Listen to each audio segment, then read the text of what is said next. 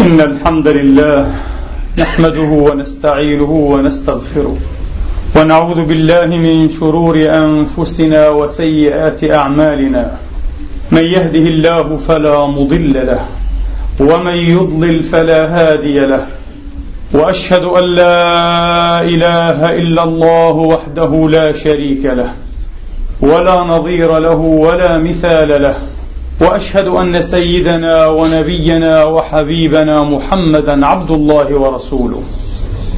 وصفوته من خلقه وأمينه على وحيه ونجيبه من عباده. صلى الله تعالى عليه وعلى آله الطيبين الطاهرين وصحابته المباركين المجاهدين وأتباعهم بإحسان إلى يوم الدين وسلم تسليما كثيرا. عباد الله أوصيكم ونفسي الخاطئة بتقوى الله العظيم ولزوم طاعته. كما أحذركم وأحذر نفسي من عصيانه ومخالفة أمره. لقوله سبحانه وتعالى من عمل صالحا فلنفسه ومن أساء فعليها وما ربك بظلام للعبيد. ثم أما بعد أيها الإخوة المسلمون الأفاضل أيتها الأخوات المسلمات الفاضلات. يقول الله سبحانه وتعالى في كتابه العزيز بعد أن أعوذ بالله من الشيطان الرجيم. بسم الله الرحمن الرحيم. سبحان الذي أسرى بعبده ليلا من المسجد الحرام إلى المسجد الأقصى. إلى المسجد الأقصى الذي باركنا حوله لنريه من آياتنا. إنه هو السميع البصير. وآتينا موسى الكتاب وجعلناه هدى لبني إسرائيل.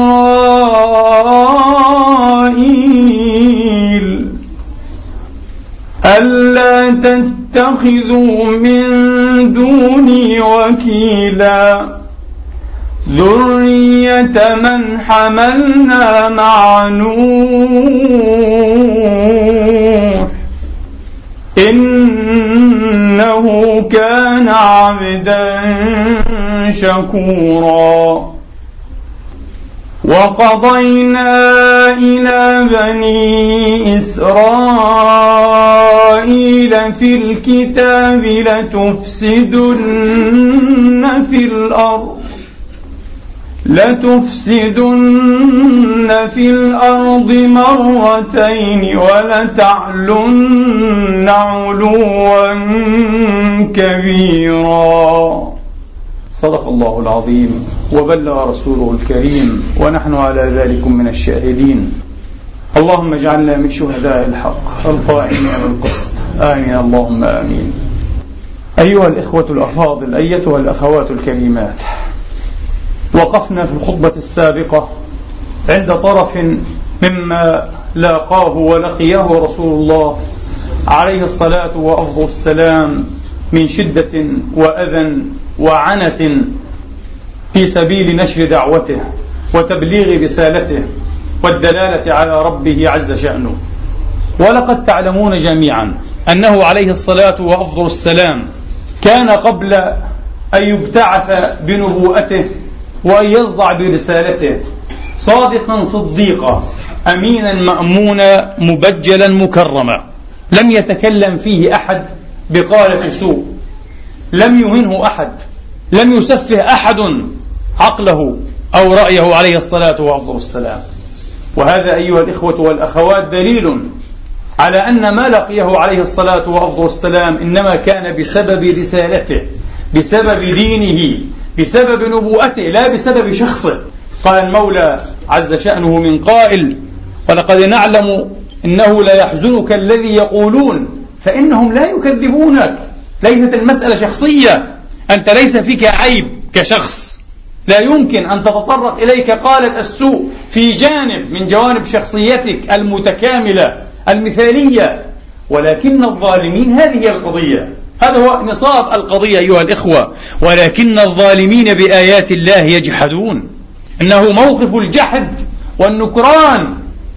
لقاء أو إزاء هداية السماء وأنوار الله تبارك وتعالى. هذه هي القضية. وقد قصصت عليكم أيها الإخوة ما تعرفونه وما هي إلا ذكرى مما لقيه عليه الصلاة وأفضل السلام من ثقيف بالطائف. حتى أنه كان عليه الصلاة وأفضل السلام يعد ذلكم اليوم أو تلكم الفترة أصعب ما لقيه وأشد ما جابهه من صنوف الأذى والعنت. روى البخاري ومسلم رضي الله عنهما في الصحيحين. عن أم المؤمنين عائشة رضي الله تعالى عنها قالت يا رسول الله هل لقيت يوما كان أشد عليك من يوم أحد؟ هي تظن وتحسب رضوان الله تعالى عليه أن يوم أحد كان أشد ما لقيه النبي. في أحد أيها الإخوة فجع النبي عليه الصلاة والسلام بأسد الله بعمه حمزة رضي الله تعالى عنه وأرضاه. وباثنين وسبعين من خيرة أصحابه. فجيعة عظيمة أيها الإخوة. كان مصابا كبيرا. ولذلك حق لها أن تظن أن يوم أحد كان أكبر وأعظم وأشد ما لقيه رسول الله. من الأذى قال عليه الصلاة وأفضل السلام يا عائشة لقد لقيت من قومك لقد لقيت من قومك يريد من قريش من أهل مكة وكان أشد ما لقيت منهم يوم العقبة. أي كان يوم العقبة أشد ما لقيت. وكان أشد ما لقيت منهم يوم العقبة. بالقطع ليست عقبة منى. أين الطائف من منى؟ إنها موضع آخر أيها الإخوة بالطائف لقي فيه وعنده عليه الصلاة وأفضل السلام ابن عبد ياليل ابن عبد فلان. حيث عرضت نفسي على ابن عبد ياليل وأخويه فردوني وأجابوني أسوأ جواب وأغروا بي سفهاءهم وصبيانهم يقول عليه الصلاة وأفضل السلام فانطلقت وأنا مهموم على وجهي وفي رواية هائما على وجهي. يركب التعاسيف لا يدري أين يذهب من الهم والحزن. ليس حزنا لأنه أوذي في نفسه لكن لأن أحدا لم يستجب لدعوته. لأن أحدا لم يمنعه لم يحرزه عليه الصلاة وأفضل السلام ليبلغ كلمات الله تبارك وتعالى. هذا دائما هو سر حزنه كما نبهنا في الخطبة السابقة أيها الإخوة. آه لا لما يصيب شخصه ونفسه وبدنه كلا. فانطلقت وأنا مهموم على وجهي فلم أستفق إلا وأنا بقرن الثعالب. مكان أيها الإخوة تلقاء مكة كما قال الوزير المؤرخ الجغرافي البكري في معجم ما استعجم. قال مكان تلقاء مكة. نعم. إلا وأنا بقرن الثعالب فرفعت رأسي فإذا بسحابة قد أظلتني. فنظرت فإذا فيها جبريل. فحياني وقال لي يا محمد إن ربك تبارك وتعالى قد سمع قول قومك لك وما ردوا به عليك.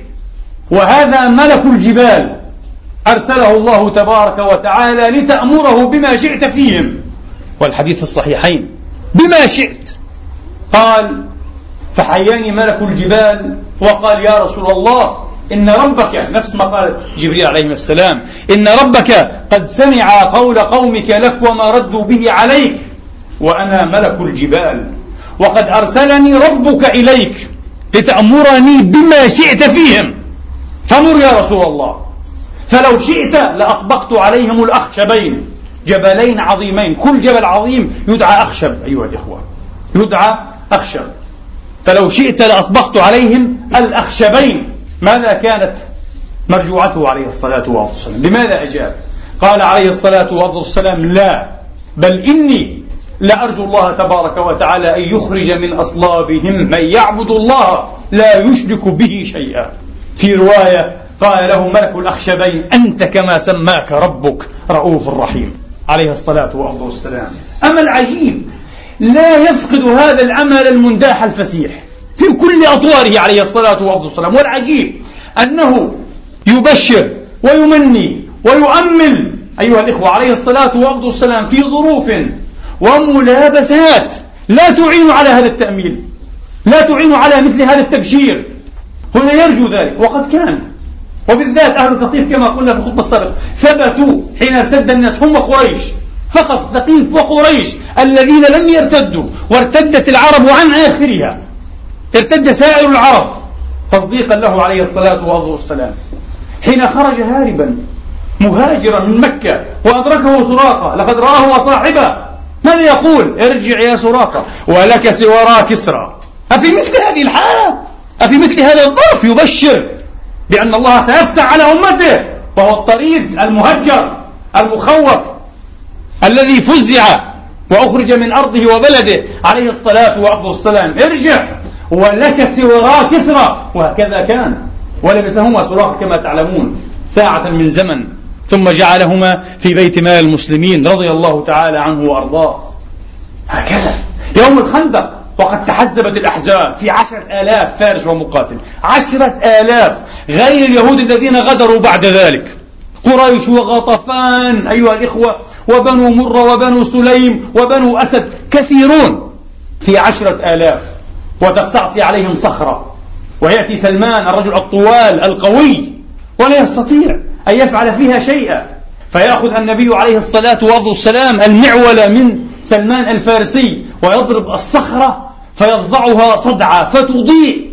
يقول الراوي أضاءت ما بين لابتيها ما بين حدود وجنبتي المدينة حتى كأنها مصباح في ليلة ظلماء. ثم كبر النبي عليه الصلاة والسلام وكبر المسلمون وهكذا فعل ذلك ثلاث مرار. ثلاث مرار حتى انفلقت وانصدعت الصخرة أيها الإخوة بالكلية.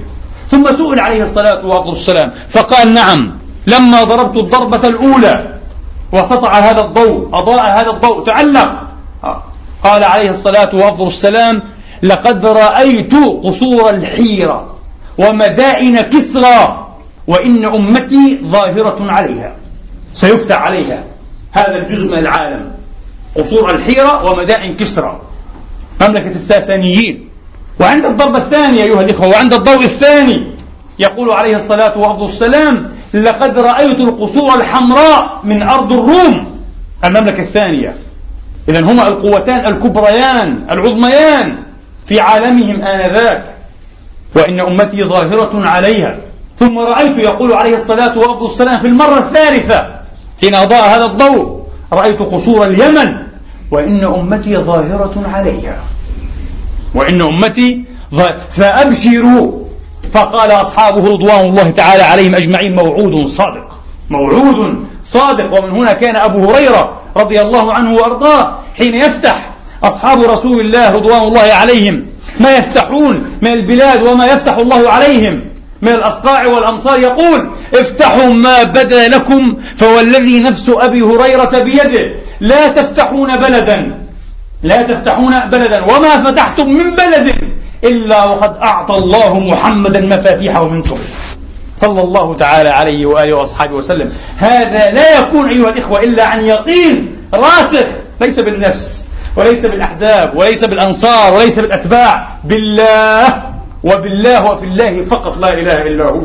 يقين النبي يقين الرسول. لا يمكن أيها الإخوة أن تكون عزمة بشر بمثل هذه القوة. هذا أمر فوق احتمال وفوق طوق البشر أجمعين صلى الله تعالى عليه وأصحابه وسلم. هكذا لكنه أوذي أذية شديدة. واحتمل ذلك وكان كفاءه كله. كان كفاء كل ما لقي في سبيل الله في مرضاة الله. روى الإمام الترمذي وقال هذا حديث حسن صحيح. وابن ماجه وابن حبان والإمام أحمد في مسنده عن أنس بن مالك رضي الله عنهم وأرضاهم أجمعين قال قال عليه الصلاة وأفضل السلام لقد أخفت في الله وما يخاف أحد. بالبناء المجهول. ولقد أوذيت في الله وما يؤذى أحد أي مثل ما أوذيت. متفرد عليه الصلاة والسلام في تلقي هذه الأذية.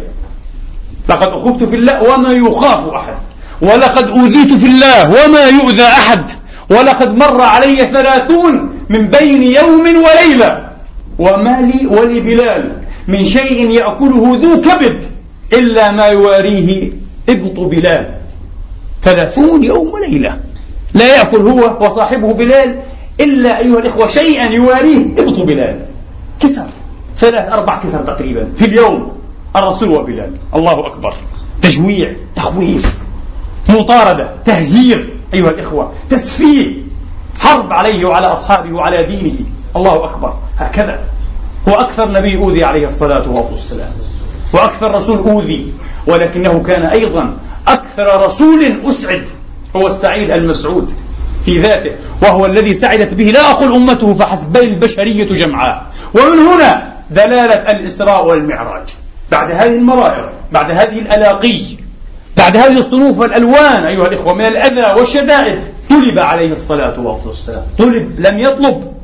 بعض الناس يقول كان التكليم لموسى نعم الفرق بين مقام محمد عليه الصلاة والسلام ومقام الكريم موسى صلوات الله وتسليماته عليه هو الفرق بين المريد والمراد. بين المريد موسى كان مريدا ومحمد كان مرادا. بين الطالب والمطلوب موسى كان طالبا.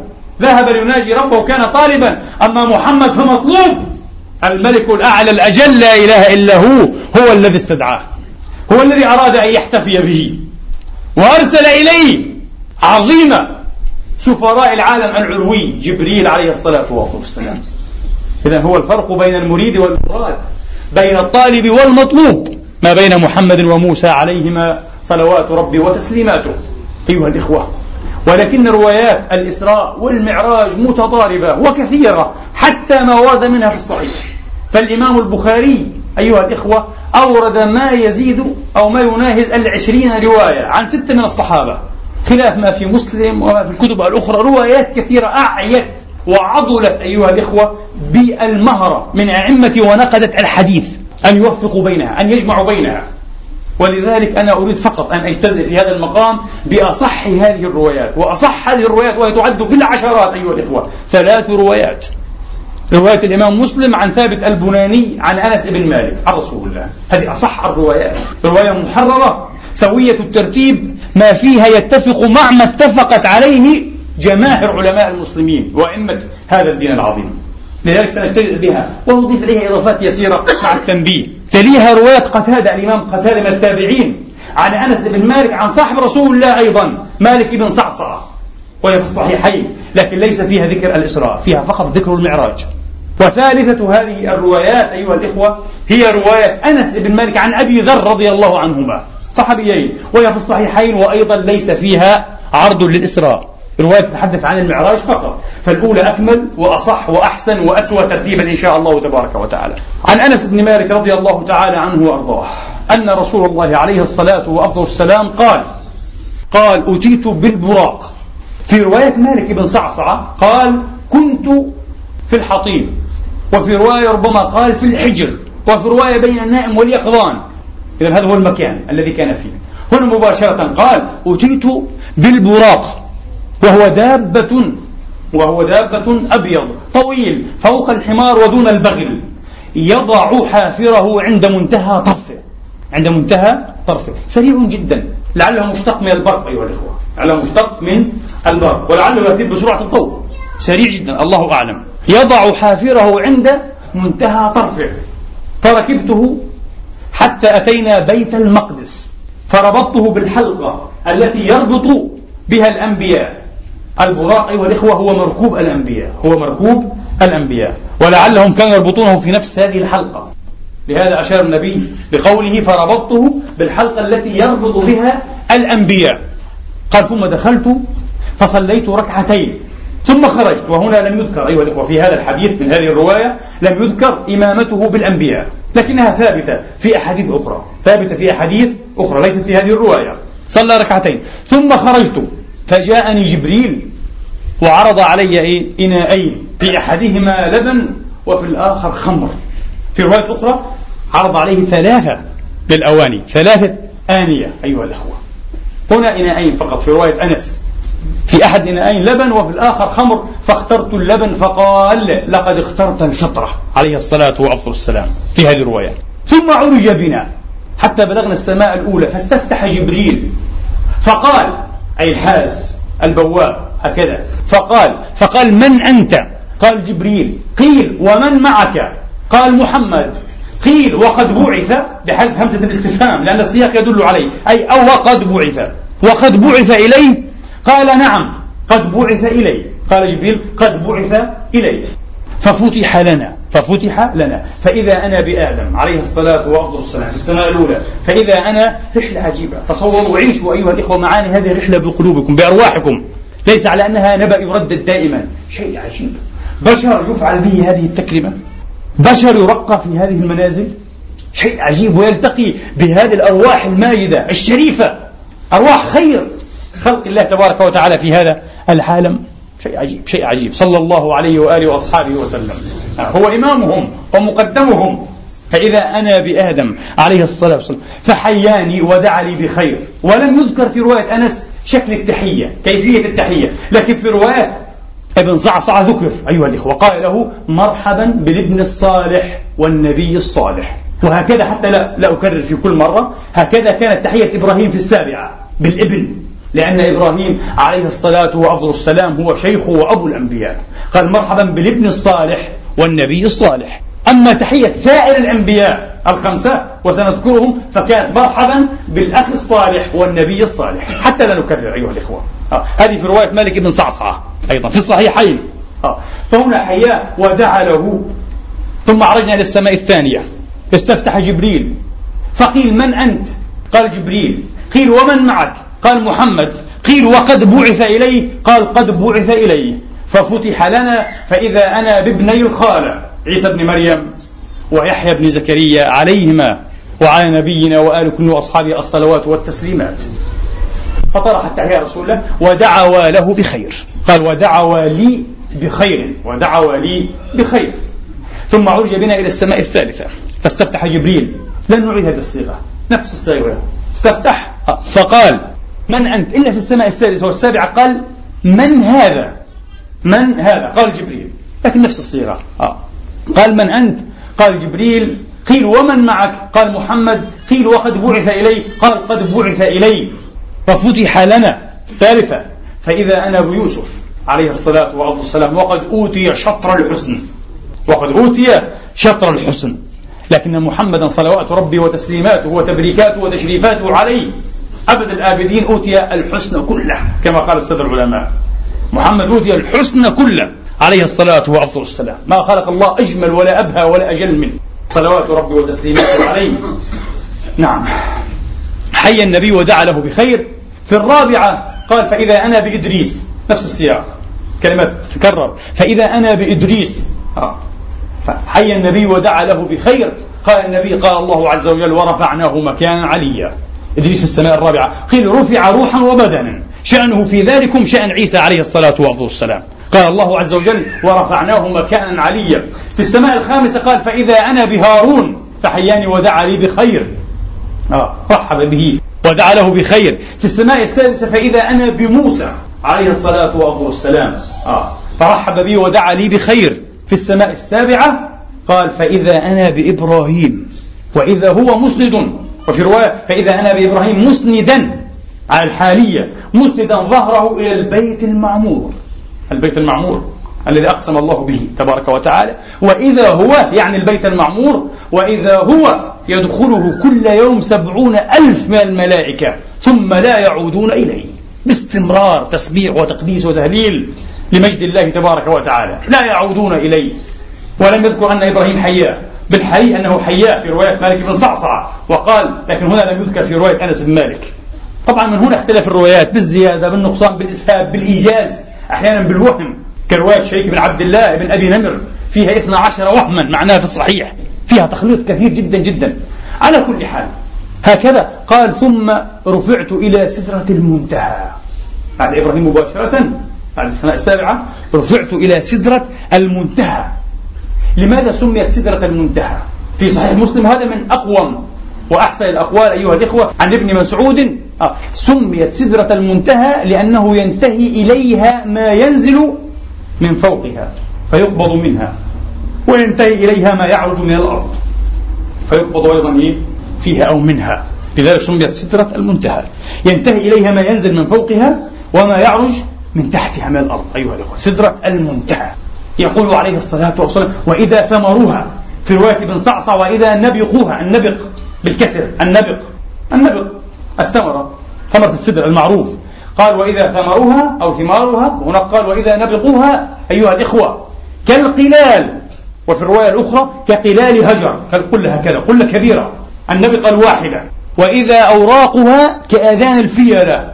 يقول عليه الصلاة والسلام فلما غشيها من أمر الله ما غشي فلما غشيها من أمر الله ما غشي تحولت. تحولت حسنا. وجمالا وألقا وبهاء ولألاء وضياء يقول عليه الصلاة والسلام حتى ما يستطيع أحد من خلق الله أن ينعتها من حسنها. قال ولا لا تنعت لا توصف شيء لا يوصف. لا إله إلا الله. كم رأى عليه الصلاة والسلام؟ كم رأى عليه الصلاة وأفضل السلام؟ لا يوصف قال هذا الحسن لا يوصف. يقول عليه الصلاة والسلام ثم أوحى الله إلي ما أوحى. مباشرة بعد ذكره سدرة المنتهى قال ثم أوحى الله إلي ما أوحى ففرض علي خمسين صلاة في اليوم والليلة.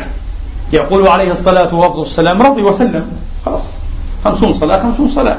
فلما رجعت إلى موسى قال ما فرض عليك ربك وكيف عرف موسى؟ لا بد أيها الأخوة من كرامة الضيف.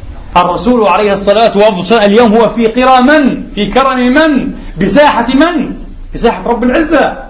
وعادة الكرام فكيف بأكرم الأكرمين؟ أن ينفحوا وأن يعطوا وأن يكرموا زوارهم. والرسول اليوم هو الزائر ورب العزة هو المزور. هو سيفترض ويعرف. ما فرض عليك ربك؟ قال خمسين صلاة في اليوم والليلة. قال ارجع إلى ربك فاسأله التخفيف. فإن أمتك لا تطيق. أي لا تطيق ذلك. خمسين صلاة وصدق موسى. صلى الله عليه وآله وأصحابه وسلم موسى. ما أرحمه بهذه الأمة. لقد كان محبا وادا لنا ولقد نصح نبينا ونصح لنا فجزاه الله عنا خير الجزاء. موسى عليه الصلاة والسلام فإن أمتك لا تطيق ذلك أيها الإخوة. وإني قد جربت بني إسرائيل قبلك وفي رواية وعالجتهم أشد المعالجة وفي ثالثة فإني أعلم من الأمم ما لا تعلم. يقول أنا أعلم منك بالأمم. لماذا؟ انتبهوا هنا في ملحظ علمي عجيب منهجي. يقول السادة العلماء وفي قول موسى عليه الصلاة والسلام دليل على أن علم التجربة الذي يؤخذ بالممارسة وليس بالمدارسة ليس بالنظر فقط ليس بالحفظ ليس بالتلقين. علم الممارسة أيها الإخوة علم مكامعة ومجامعة أحوال الحياة وكوائنها وما جرياتها معالجة الأمور عن قرب مسيس. يقولون إن علم التجربة أيها الإخوة آه لا يغني عنه كل علم ولا يؤخذ إلا بالتجربة. فإن محمدا عليه الصلاة والسلام هو أفضل البشر وأعلمهم جميعا. سيما وأنه كان حديث عهد إيه؟ بتكليم مولاه. هو الآن أتى من لدن رب العزة. قد كان في ساحته وفي قدسه.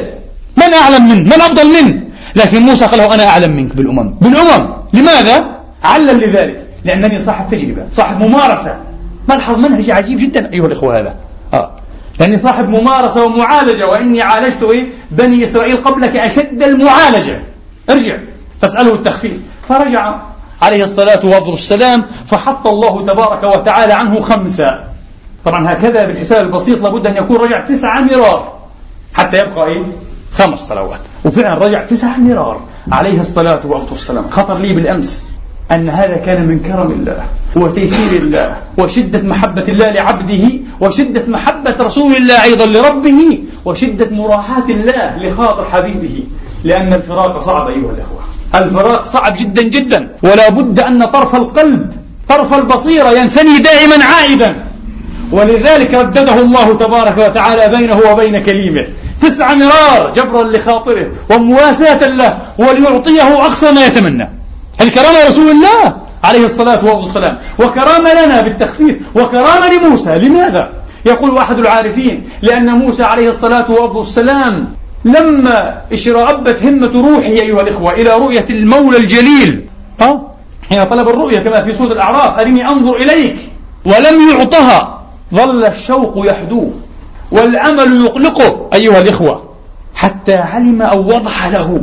أن محمدا رأى ربه. وهذه مسألة خلافية. أن محمدا رأى ربه. فأحب أن يجتلي العظمة الإلهية من وجه محمد. لأنه حديث عهد بالحبيب وقد رآه تبارك وتعالى. فردده إلى ربه أيضا لأجل هذا الغرض. وهذا غير بعيد والله تبارك وتعالى أعلم. عليهم الصلوات والتسليمات أجمعين. قال فرجعت إلى موسى وقلت له لقد حط عني خمسا قال إن أمتك لا تطيق. ارجع إلى ربك فاسأله التخفيف قال فلم أزل أتردد أو قال أرجع بين ربي وبين موسى حتى قال لي أي المولى تبارك وتعالى في المرة التاسعة إذا في المرة التاسعة حتى قال لي تبارك وتعالى هن خمس صلوات هن خمس صلوات وكل صلاة بعشر فهن خمسون أي في الأجر. وفي التكليف خمس. في رواية ما يبدل القول لدي وما أنا بظلام للعبيد. علم النبي هنا لقوله تبارك وتعالى ليس في رواية أنس في رواية أخرى صحيحة ما يبدل القول لدي أنها آخر مرة. ولا ينبغي أن يسأل إيه؟ تخفيف زائد. أن يسأل إيه؟ في تخفيف زائد. تبارك وتعالى. علم النبي. ولذلك لم يعد العاشرة. لم يعد إلى مولاه تبارك وتعالى العاشرة. إذا يستنبط أيها الإخوة من هذا التردد والمراجعة أن النبي صلوات ربي وتسليماته عليه وآله وأصحابه كان يعلم أن الخمسين في المرة الأولى لم تكن على سبيل العزم. كرامة الصلاة كانت كرامة أصلا لنا. كرامة. خذوا هذا الرزق. خذوا هذه الكرامة. لكنها ثقيلة على أكثر المكلفين لكن ليس على سبيل العزم. وأما ما بقي منها أيها الإخوة الخمس فهي على سبيل العزم. قضاء محتم. لا عودة فيه. ما يبدل القول لدي وما أنا بظلام العبيد. نعود إلى رواية أنس. يقول فرجعت إلى موسى فقال إن أمتك لا تطيق حتى خمس صلوات. ارجع إلى ربك فاسأله التخفيف. قال فقلت له يا أخي يا موسى لقد استحييت من ربي من كثرة ما رجعت إليه. بل أرضى وأسلم. بل أرضى وأسلم. في رواية ابن صعصعة قال ثم سمعت مناديا. حين قال النبي ذلك وانصرف من لدن موسى سمعت مناديا يقول أمضيت فريضتي وخففت عن عبادي. لا إله إلا الله. ما أوسع رحمة رب العالمين بنا. هو يريد ذلك. أمضيت فريضتي وخففت عن عبادي. خمس في التكليف وخمسون في الأجر. هكذا أيها الإخوة. نعم. هذا أيها الإخوة هو ملخص بل هو نص إن شاء الله تبارك وتعالى إلا قليلا. حديث أنس في صحيح مسلم الذي هو أقوم وأثبت. آه هذه الأحاديث جميعها إن شاء الله تبارك وتعالى. يتساءل بعض العارفين ولما؟ لما لم يرجعه إبراهيم الخليل عليه الصلاة والسلام. فعلها موسى. إبراهيم الخليل في السابعة. أجاب أحد العارفين بالله عرفنا الله به ودلنا عليه دلالة الصادقين.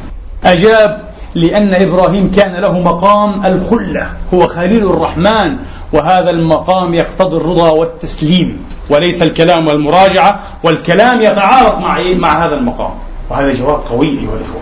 يرضى ويسلم بكل أمر الله تبارك وتعالى. آه، قد كان حنيفا مسلما عليه الصلاة وأفضل. وأما موسى عليه الصلاة وأفضل السلام فهو صاحب مقام ماذا؟ مقام التكليم. وكلم الله موسى تكليما فله الإذلال والانبساط. له الإدلال والانبساط يتبسط. عنده مقام الإدلال مدلل وهو الذي طلب من ربه في الدنيا في دار الدنيا وهو حي أيها الإخوة أن يراه أرني أنظر إليه. قال لن تراني لأن له مقام الإدلال والانبساط عليه الصلاة وأفضل السلام. لماذا؟ لشدة ما لقي أيضا في ذات الله. فهو الذي أرسل إلى فرعون أطغى الطواغيت والعياذ بالله تبارك وتعالى. ولذلك لم يعتب الله عليه في مواطن كثيرة. حين كسر ألواح وضربها في الأرض وإن لم يصح هذا عندنا كما قال حافظ ابن كثير لكن الله لم يعتب عليه في القرآن ألقى الألواح وأما أنه ضربها فانكسرت فهذا في كتاب يهود في التوراة لكنه حتى حين ألقاها لم يعتب الله عليه وإذا الحبيب جاء بذنب واحد جاءت محاسنه بألف شفيع جاءت محاسنه بألف شفيع. بقية الحدث كما تعلمون أيها الإخوة أن النبي عليه الصلاة والسلام عاد في نفس الليلة والصحيح أنه أسري به من المسجد الحرام إلى المسجد الأقصى. بالبراق على البراق. ثم بعد ذلك عرج به في المعراج. انتبهوا بعض الناس يحسب أنه عرج به على البراق أيضا هذا غير صحيح. البراق ظل مربوطا بالحلقة في جدار مسجد بيت المقدس أيها الأخوة حتى عاد إليه وركبه ليعوب على ظهره إلى مكة مرة أخرى. لكنه عرج به في المعراج. وهذا سبق عجيب. في رواية أتيت بالمعراج والمعراج هو السلم أيها الإخوة. أتيت بالمعراج وعرج فيه. خير هو المعراج الذي تعرج فيه الأرواح أيضا حين إيه؟ تخرج من أجسامها. حين تخرج من أبدانها أو أجسامها. والله تبارك وتعالى أعلم. أخبر عليه الصلاة وأفضل السلام بما وقع له من هذه الكرامة ومن هذه الآية المعجزة في أعظم الآيات الحسية. أعظم الآيات الكونية. تتلوها مباشرة آية تقل عنها قليلا وليس كثيرا. آية انشقاق القمر. وقد وقعت بعدها على ما رجحه بعض العلماء الأثبات. وبعض كتاب السير يذكر آية انشقاق القمر قبل آية الإسراء والمعراج. وبينهما مناسبة عجيبة. فكلتا الآيتين أيها الإخوة آيتان كونيتان معجزتان المعاجز الحسية العجيبة. لم يصبح بمثلها. ومن هنا ابتدأ الله تبارك وتعالى سورة الإسراء سورة بني إسرائيل بقوله سبحانه. أي تنزه وتقدس. لماذا؟ لأن بعض الناس قد يظن أن هذا الأمر يعطاس القدرة. ويعطاس مقام النبوة. الله قال لا. وبعضهم قد يكذب النبي. فالله سبح نفسه. لماذا؟ سبح نفسه أن يرسل نبيا كذابا وحاشاه. صلى الله عليه وآله وأصحابه وسلم. وأيضا سبب وسر ثالث لأن بعض الناس قد تفتن برسول الله. فلأجل ألا تضل أمته قال الله سبحان الذي أسرى بعبده. أنا الذي أسريت هو لم يسري. إنما أنا الذي أسريت به وأنا أعطيته ذلك وأنا الذي أريته. وهو بنفسه لا يستطيع أن يرى. لنريه لنريه ولذلك بدأ بالتسبيح لئلا تضل أمته. صلى الله عليه وآله وأصحابه وسلم. آه. هكذا أيها الإخوة. في روايات صحيحة أيها الإخوة. وهي الرواية الثالثة. أنس عن أبي ذر. في الصحيحين. أن النبي عليه الصلاة وأفضل السلام قبل أن يسرى ويعرج به. أتاه آت فشقه. من هنا. من ثغرة نحره إلى شعرته شقه واستخرج قلبه وغسله أيها الإخوة بماء زمزم. فقد أتى هذا الآتي بدلو مملوءة آه، حكمة وإيمانا. وغسل القلب ثم حشاه ثم أعاده إلى رسول الله. طهارة لأنه سيلتقي في هذه الليلة أيها الإخوة وسيعرج إلى مقام لا يدنو إليه لا عقل ولا وهم. ولم يقربه لا نبي مرسل ولا ملك مقرب فلا بد أن يكون على طهارة كاملة طهارة تامة. انتبهوا والصلوات فرضت ليلة المعراج. أين فرضت الصلوات؟ في حضرة القدس. لم تفرض كبقية الفرائض. الصلاة هي العبادة الوحيدة التي فرضت في حضرة القدس في إشارة إلى أنها معراج المؤمنين كما كان المعراج معراجا لسيد خلق الله أجمعين. وكما طهر عليه الصلاة والسلام فمن شروط أدائها وشروط صحتها الطهارة. فلا تجوز هذه العبادة إلا على طهارة أيها الأخوة. وكما أنه ناجى ربه ليلة المعراج فنحن ناجي ربنا وهو يكلمنا ويرد علينا في الصلاة. يقول حمدني عبدي أثنى علي عبدي مجدني عبدي هذا لعبدي ولعبدي ما سأل. لا إله إلا الله. إلى آخر السورة كما تعلمون في حديث صحيح في صحيح مسلم. نفس الشيء. إنها معراج المؤمنين إنها كرامة رب العالمين. لنا معاشر المكلفين لا حظ في الإسلام لمن لا صلاة له. مساكين الذين تثقل عليهم الصلاة. الصلاة في الحق. لو تأملنا أيها الإخوة في حقيقتها هي كرامة أكثر منها تكليفا. هي كرامة منحة هدية جائزة لنا. كرامة لنبينا أكثر منها تكليفا. إنها معراج الأرواح أيها الإخوة. مفتاح النجاح. مفتاح السعادة والوصول إلى رب العالمين. نسأل الله تبارك وتعالى بأسمائه الحسنى وصفاته العلى آه. أن يعيننا على أدائها لا على قضائها إنما على أدائها في وقتها على الوجه الذي يرضيه عنا تبارك وتعالى. وأن يجعل خير أعمالنا خواتيمها وخير أعمالنا أواخرها وخير أيامنا يوم نلقاه. أقول قولي هذا وأستغفر الله لي ولكم فاستغفروه.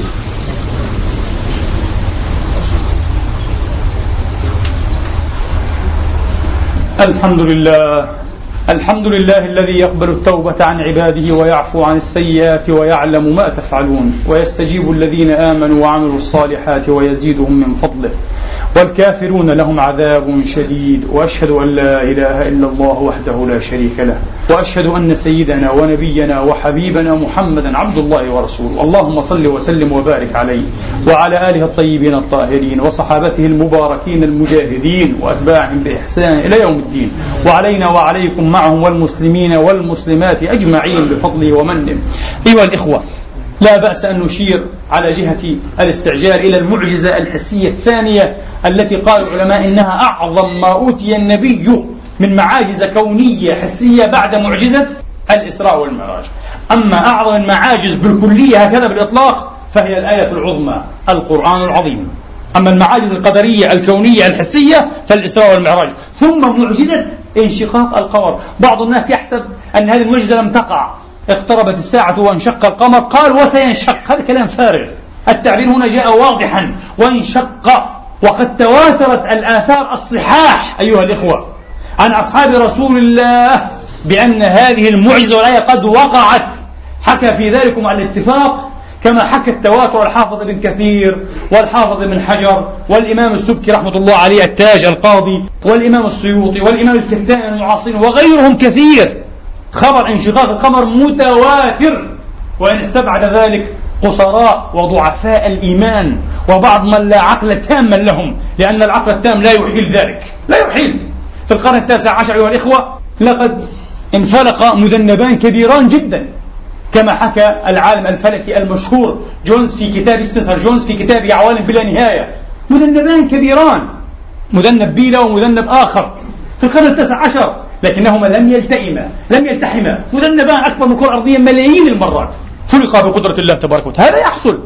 لماذا نستبعد ذلك؟ كان الفلاسفة من قديم أرسطو وأتباع أرسطو يرون أنه لا يمكن للفلك الأعلى وللأجرام العليا أن يحدث فيها انشطار. لماذا؟ لأنهم يحيلون يقولون باستحالة آه الفتق والرتق في عالم الفلك. كلام فارغ تأملات فلسفية. جاءت معجزة انشقاق القمر لتؤكد عدم صحة هذا الكلام. هذا هلوسة فلاسفة يمكن وتأييدا لما أخبر به كل الأنبياء والمرسلين أن الساعة حين تقوم أيها الإخوة تنفطر السماوات تتشقق السماوات. عكس كلام الفلاسفة. اقتربت الساعة وانشق القمر. روى هذا الحديث جماعة كثيرون من أصحاب رسول الله عبد الله بن عباس عبد الله بن مسعود عبد الله بن عمر آه. أنس أبو هريرة جبير بن مطعم حذيفة بن اليمان غيرهم صحابة كثيرون تواتر الخبر بانشقاق القمر. وملخصه أيها الإخوة أن كفار قريش طلبوا من رسول الله آية عظمى في بعض الأخبار أنهم عينوها وفي بعضها لم يعينوها. ماذا طلبوا؟ قالوا شق لنا القمر. قال فإن فعلت هل تؤمنون؟ قالوا نعم. فدعا الله تبارك وتعالى. فانشق القمر ليلتها في المساء في الليل مرتين في لفظ البخاري أي فرقتين وهذا معنى مرتين وليس إيه؟ بمعنى إيه؟ كرتين. وإنما مرتين شطرين. آه. فرقتين انشق القمر باثنين أيها الإخوة. وكان بينهما جبل حراء. فرقة هنا وفرقة هنا. هذه الآية العجيبة ابن عباس لم يشهدها لأنه أسلم بعد الهجرة وكان صغيرا. وكذا أنس. لكن الإمام علي شهدها بعينيه. وصح عنه ذلك. ابن مسعود شهدها بعينيه. وصح عنه ذلك. وهكذا. رآها. جملة من الصحابة أيضا. ورآها الكفار من أقوى الأدلة من أقوى الأدلة. اقتربت الساعة وانشق القمر. لن يسجل لنا التاريخ عن واحد من كفار مكة أو من كفار المدينة من يهود وغيرهم أنه كذب القرآن أو الرسول لأنه أخبر بهذا الخبر. فكرتم؟ لماذا؟ لأنهم شهدوه. لم يستطيعوا أن يتكلموا. القرآن يقول انشق القمر. لم يكذبه واحد. كلهم سكتوا. لأنها وقعت. حقيقة ولم يقل محمد اكذب علينا ونحن إيه؟ أحياء. لا نزال. سكتوا جميعا. لقد انشق القمر حقيقة أيها الإخوة. الإمام أبو الحجاج المزي رحمة الله تعالى عليه من أئمة بلاد الشام من أعظم علماء الحديث في تاريخ الإسلام. آه. ينقل عن شيخ الإسلام ابن تيمية وهو أرفع بكثير في علم الحديث من شيخ الإسلام ابن تيمية. بكثير. آه. صاحب الكمال في أسماء الرجال. أبو الحجاج المزي رحمة الله تعالى عليه ينقل عن شيخ الإسلام ابن تيمية رحمة الله عليه رحمة واسعة أنه حكي أو حكى بعض الناس ممن كانوا بقارة الهند ببلاد الهند أنهم رأوا بناء قديما ثالثا كتب عليه بني ليلة انشق القمر. ابن كثير قال وقد أثر ذلك عن سفار مسافرين كانوا ببلاد الهند. نفس الشيء. بعض الناس يقول هذا كلام الإسلاميين شو ابن كثير وابن حجاج؟ انتبهوا. العلامة المعاصر أو المحدث ها؟ العلامة المحدث وهو من أكبر علماء الهند رحمة الله الهندي صاحب النظر المشهورة مع المسيحيين. في إظهار الحق انتبهوا هذا دليل مهم جدا. نقل عن كتاب في التاريخ للهنود لعباد البقر ليس كتابا في التاريخ الإسلامي. يعني ليس كلام ابن كثير والمزي وابن تيمية. إنه كتاب فرشتة كتاب يدعى فرشتة. في المقال الحادي عشر فيه كتب وهو من تواريخ الهنود. وهذا الكتاب نشر حديثا ورد به رحمة الله على المسيحيين البريطانيين ولم يكذبوه لأن الكتاب موجود في التاريخ الهندي. في كتاب فرشته في المقال الحادي عشر كتب هكذا. لقد رأى أهل إقليم ماليبار من بلاد الهند. القمر وقد شق إيه؟ بإثنتين فلقتين. شق بإثنتين. ثم لما تحقق والي ماليبار وكان مجوسيا من مجوس الهند لما تحقق أن هذا وقع في نفس الليلة التي دعا فيها محمد نبي العرب بذلك أسلم الرجل ودخل أهل مليبار في الإسلام وهم اليوم من أحسن المسلمين. وخرجوا لنا علماء إذا وقعت الآية. وإليكم الدليل الأخير وهو من أعجب الأدلة. هناك حزب الآن إسلامي في بريطانيا؟ اسمه Islamic Party of Britain الذي أسسه ال founder المؤسس يدعى داوود موسى بيتكوك. للأسف بعض الإيميلات وبعض المواقع اللي كذا بيسكوك ليس بيسكوك بيتكوك اسمه. وموقعه موجود. ارجعوا www مكتوب Islamic Party dot com موجود. ارجعوا إليه. يمكن أن تراسلوا هذا الشخص. وقد كان من طائفة الروم الكاثوليك وهو الآن مسلم كبير. وهو مؤسس هذا الحزب الإسلامي. تعلمون لماذا أسلم؟ داوود موسى بيتكوك أسلم هذا الرجل يقول كنت أطلب الحقيقة ويعلم الله أني كنت أطلبها بشغف وصدق وتجرد فأعطاني أحد أصدقائي ومعارفه ترجمة معاني القرآن. يقول فلما فتحت لا ندري من سوء حظي أو من حسن حظي لعله من حسن حظي إن شاء الله. أول ما فتحت على سورة القمر اقتربت الساعة وانشق القمر. بالنسبة إليه كان فعلا سيئا. قلت انشق القمر وعاد فالتحم هذا تهجيص خرافات. ميت. كلام فارغ. وأقفلت المصحف يقول أو الترجمة ولم أعد بعد ذلك مدفوعا للقراءة فيه. اعتبر أن هذه دين أسطوري دين خرافات. يقول بيتكوك داود موسى بيتكوك يقول وفي يوم من الأيام وأنا جالس بإزاء الرائع التلفاز مناظرة بين معلق بريطاني وثلاثة من علماء الفضاء الأمريكان. وهذا المعلق البريطاني أيها الإخوة يتغيظ ويستنكر عليهم كيف ينفقون المليارات حتى أنهم واجهوا بأنهم أنفقوا 100 مليار يعني بليون بالأمريكي 100 بليون دولار لكي يضعوا إيه؟ قدم أول رائد على القمر 69 قال فغضب هذا المعلق وقال هذا سفه وهذا تبذير والأرض فيها فقر وفيها مرض وفيها أمية. لماذا؟ قالوا له نحن لم نفعل ذلك من أجل أن نضع قدمه وأن نغرس العلم الأمريكي فوق القمر. لا. وإنما أردنا أن ندرس الطبيعة الحقيقية للب القمر ولقشرة القمر. قال فماذا وجدتم؟ قالوا لقد وجدنا حقيقة. لو أنفقنا عليها أضعاف هذا المبلغ لما صدقنا الناس ولما كان كثيرا. يقول المعلق البريطاني ماذا وجدتم؟ قالوا لقد وجدنا أن القمر قد شق في يوم من الأيام من منتصفه. وجدنا صخورا متحولة. حزام أيها الإخوة يلف القمر من سطحه إلى جوفه إلى سطح آخر. سلاسل الجبال أيها الإخوة مقسومة. والجبال من نفس النوع أيها الإخوة. لا تتلائم إيه؟ مع أشطارها. حدث انزياح تحول في الجبال. إنما تتلائم مع أشطار جبال أخرى. انشق ولم يعود إيه كما كان بالضبط. ولما سألنا علماء الجيوفيزيكس والجيولوجيا قالوا هذا لا يمكن أن يحدث إلا إذا كان القمر قد انشق. قال فقفزت من كرسي. قلت الله أكبر. أشهد أن لا إله إلا الله. وأشهد أن محمد رسول الله. وأن هذا القرآن حق. معجزة. صنعتها القدرة الإلهية لرسول الله قبل 1400 سنة ييسر ويسخر لها الأمريكان لكي ينفقوا مئات المليارات لإثباتها للعالمين من أصدق من الله حديثا. صدق الله العظيم. وبلغ رسوله الكريم عليه الصلاة والسلام. اللهم إنا نسألك وندعوك ونرغب إليك. أن تحيينا على سنته وأن تميتنا على ملته وأن تحشرنا غدا يوم القيامة تحت لوائه اللهم اسقنا بيده الشريفة شربة لا نظمأ بعدها حتى ندخل الجنة. اللهم اجزه خير ما جزيت نبيا عن أمته وخير ما جزيت رسولا عن رسالته. اللهم صل عليه في الأولين وصل عليه في الآخرين وصل عليه في الملأ الأعلى أجمعين وصل عليه إلى يوم الدين. اللهم صل عليه إلى أبد الآبدين. حتى ترضى وحتى نرضى يا رب العالمين. اللهم اغفر لنا ما قدمنا وما أخرنا وما أسررنا وما أعلنا. اللهم اغفر لنا ولوالدينا وللمسلمين والمسلمات الأحياء منهم والأموات.